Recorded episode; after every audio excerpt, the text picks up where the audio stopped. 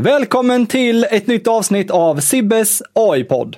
Den här veckan så händer det som vanligt otroligt mycket inom AI-världen och jag har då samlat de, enligt mig, mest viktiga AI-nyheterna denna veckan som du kan ha användning av eller utveckla din verksamhet eller dig själv som person genom att förstå hur de här AI-nyheterna används och påverkar oss människor. Men jag ska inte tjabbla på, utan vi kommer hoppa rakt in i veckans AI-nyheter. Så nu kör vi! Microsoft har börjat använda sin AI-teknik till mer än att generera texter, bilder och liknande. Nu är det så att några forskare på Microsoft tillsammans med Pacific North Northwest National Laboratory samarbetar för att ta fram en helt ny typ av batteriteknik med hjälp av AI. De här forskarna har alltså analyserat 32 miljoner olika kombinationer och ämnen.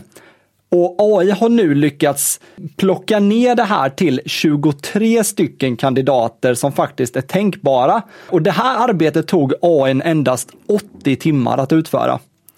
Tänk dig själv, en människa skulle ju aldrig någonsin kunna gå igenom så mycket material, 32 miljoner olika kombinationer för att sedan välja ut 23 stycken. Så forskarna gjorde alltså så att de använde olika typer av filtreringsfunktioner för att ta det här successivt från 32 miljoner ner till dessa 23. Så det ska bli spännande att se om de kommer på någon ny teknik som kanske kan eh, hjälpa oss att inte behöva använda lika mycket litium till exempel. Och som ändå har samma fördelar som till exempel solid state batterier. Nyhet nummer två. Tesla släpper äntligen deras version 12 av deras FSD, som är alltså deras självkörande system i bilarna. Den här versionen förväntas enligt Elon Musk vara det enda som är end-to-end -end och använder 100% neurala nät. Alltså den här versionen är inte beroende av utvecklare eller programmerare för att styra hur bilen ska agera vid olika situationer, utan den hanterar det enbart baserat på den träningsdatan som de har sparat i sin data. Och de använder då deras stora superdator Dojo för att göra de här beräkningarna hela tiden. Och det här systemet utvecklas ju löpande, ju mer bilarna kör, ju mer de eh, ser olika typer av objekt och händelser, så kommer den bli bättre och bättre och bättre. Och jag vill ju såklart få tag i någon som har testat FSD V12. Så att om du har en Tesla och har lyckats vara en betatestare så meddela mig hur den fungerar. Jag är så nyfiken på detta. Nyhet nummer tre. Eleven Labs, som alltså är ett företag som har specialiserat sig på att skapa ljud-AI-produkter. Eh, de samlar nu in ytterligare 80 miljoner dollar och lanserar ännu mer coola produkter för dig som jobbar med röst eller video där du behöver röst.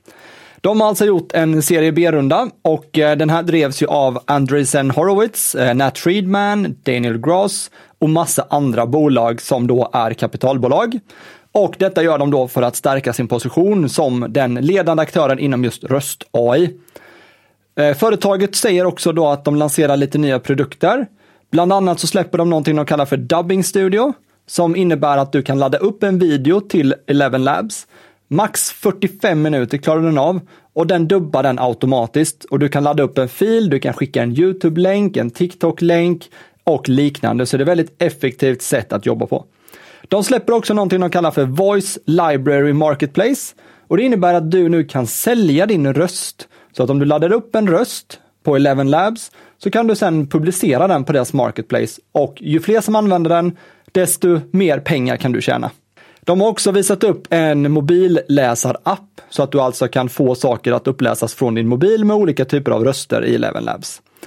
Så det är spännande att se hur de använder de här modellerna och hur företag och eh, kreatörer använder dem också. Nyhet nummer fyra.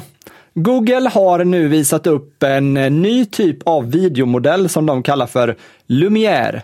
Och det här är inte en ny videodiffusionsmodell bara, utan det här är en helt ny typ av teknik för att generera realistiska AI-videos.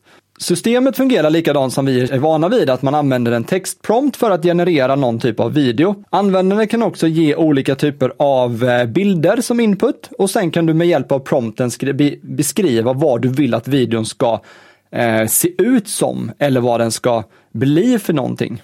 Men den här modellen finns ännu inte tillgänglig för oss att testa, utan den är endast på forskningsstadiet. Men Google själva säger att den här kommer göra att du kommer få mer kvalitativ och mer högupplöst video med den här typen av modell. Så det ska bli spännande att se om vi kan testa den framöver. Nyhet nummer fem. Google har presenterat ännu mer AI-nyheter. De ligger inte på latsidan. Vi vet att Microsoft springer riktigt fort där ute också och Google försöker hänga på. Nu har de visat några nya AI-funktioner i deras Google Chrome och detta är alltså skrivhjälp.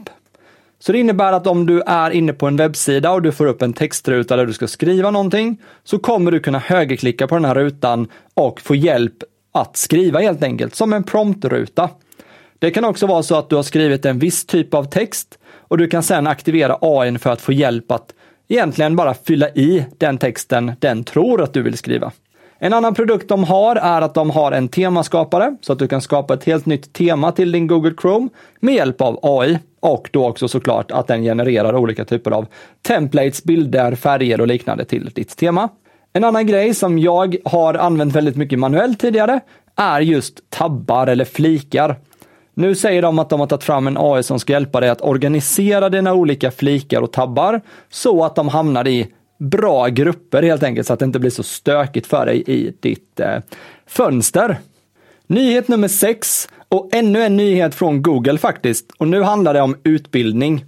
Google har visat upp ännu mer AI-funktioner för deras Classroom. Och här handlar det egentligen om saker de har visat upp från eventet BET, som alltså var ett edtech-evenemang i Storbritannien som gick av nu i veckan. Och jag vet att en av mina följare på LinkedIn, Anders, var där och faktiskt föreläste. Spännande Anders, du får dela lite insikter från detta till mig också sen. Men Google har ju sedan ett tag tillbaka erbjudit lärare att lägga till olika frågor till till exempel en Youtube-video. Men Google säger nu att de kommer med hjälp av AI lägga till egna förslag på frågor kopplat till olika tidsstämplar direkt i din video. De har också lagt till en funktion för att skapa så kallade practice sets, som också då använder AI för att skapa svar och allmänna tips. Och den här är nu tillgänglig på över 50 olika språk. Och lärare kan också förvandla ett eh, Google-formulär helt och hållet till en övningsuppsättning egentligen för en klass eller studenter. Så det är spännande att se hur det här kommer fortsätta att utveckla utbildningssektorn med hjälp av olika AI-funktioner. Och Microsoft släppte ju förra veckan sin träningscoach eller läscoach som jag också presenterade i mina nyheter. Nyhet nummer sju. EU har äntligen kommit underfund med att vi behöver göra någonting med hjälp av AI och vi behöver ta eh, tag i detta och sätta oss i framsätet nu. Så EU har gått ut och sagt att de vill använda sina superdatorer för att stödja generativ AI i olika startups och även scaleups som behöver den här typen av kompetens. Jag tror inte att EU känner att vi vill vara beroende av superdatorer och företag som är utanför EU. Vi ser på Google, Microsoft, Nvidia och liknande som kanske inte är i Europa. Så det här vill de göra om nu. Så att de har eh, tagit fram någonting som de kallar för ett AI-innovationspaket som egentligen innebär att de ska då öka stödet från Europa och eh, helt enkelt erbjuda sina tjänster för att få ett bättre AI-ekosystem här i EU. De har ju en superdator som egentligen heter Mare Nostrum 5. Ingen aning om om det uttalas så. Men den här har tidigare bara varit tillverkade egentligen för att de ska jobba med olika typer av eh, statistik och forskning och eh, sådana saker. Men de vill nu då göra om denna så att vi ska få möjligheten att använda den hårdvaran för att faktiskt kunna skapa AI-tjänster och AI-produkter. Nyhet nummer åtta. Nu är det så att Etsy, där du kan köpa massa typer av produkter, har tagit fram en AI-rekommendationssystem som de kallar för Gift Mode. Och Gift Mode är egentligen ett AI-quiz så att du får svara på olika typer av frågor i det här quizet Och sen så ska den här AI-motorn kunna komma fram med rekommenderade gåvor som du ska kunna köpa direkt från Etsy till din förälder, till din partner eller till din, eh, ditt barn eller barnbarn. Vad den kan vara för någonting. Vid lanseringen av eh, Godmode så har de 15 olika intressen att välja mellan, bland annat hantverk, mode, sport, tv-spel, husdjur och mer. Den ska alltså också hämta alternativ från över 100 miljoner produkter som finns listade på Etsy. Och de har byggt den här baserat på ungefär 200 olika personas. Nyhet nummer 9. Nu äntligen kommer AI-telefonerna. Och det verkar som att Samsung vill vara först ut på planen. Veckans Galaxy Unpacked Event kommer att bli möjligheten att visa upp just potentialen för AI i en mobil enhet. Och det känns lite som att vi är redo att ta den här pausen från att växla mellan olika appar och istället bara säga till en AI direkt i telefonen vad vi vill göra. Eller hur? Är det inte så vi tror att framtiden kommer att se ut? Eller blir det ännu bara en teknisk demo som inte kommer att bli verklighet? Det får vi se. Nyhet nummer 10. OpenAI uppdaterar nu ChatGPT 4-modellen med en potentiell fix för det som många har kallat för AI-lathet. Och det innebär egentligen att ChatGPT 4 då har ofta inte slutfört sin uppgift helt enkelt, så att den har avbrutit uppgiften mitt i och de säger nu att de har gått ut med en ny uppdatering, alltså som ska åtgärda detta. Och det gäller egentligen främst för om du ska generera kod. Det är då det har varit som störst problem. Men jag vet själv att jag har märkt detta också, att den helt bara bryter mitt i en förfrågan och inte gör klart. Så jag ser väldigt mycket fram emot den här uppdateringen från OpenAI och alla andra AI-nyheter som kommer komma denna veckan och de kommande dagarna också såklart. Men det här var allting för veckans AI-nyheter, så jag hoppas att du tyckte om uh, nyheterna. Och om du vill så skulle jag vara så tacksam om du ville lämna en liten eh, like eller ge en recension eller ge lite stjärnor på den här på Spotify. Det skulle vara superuppskattat från mig.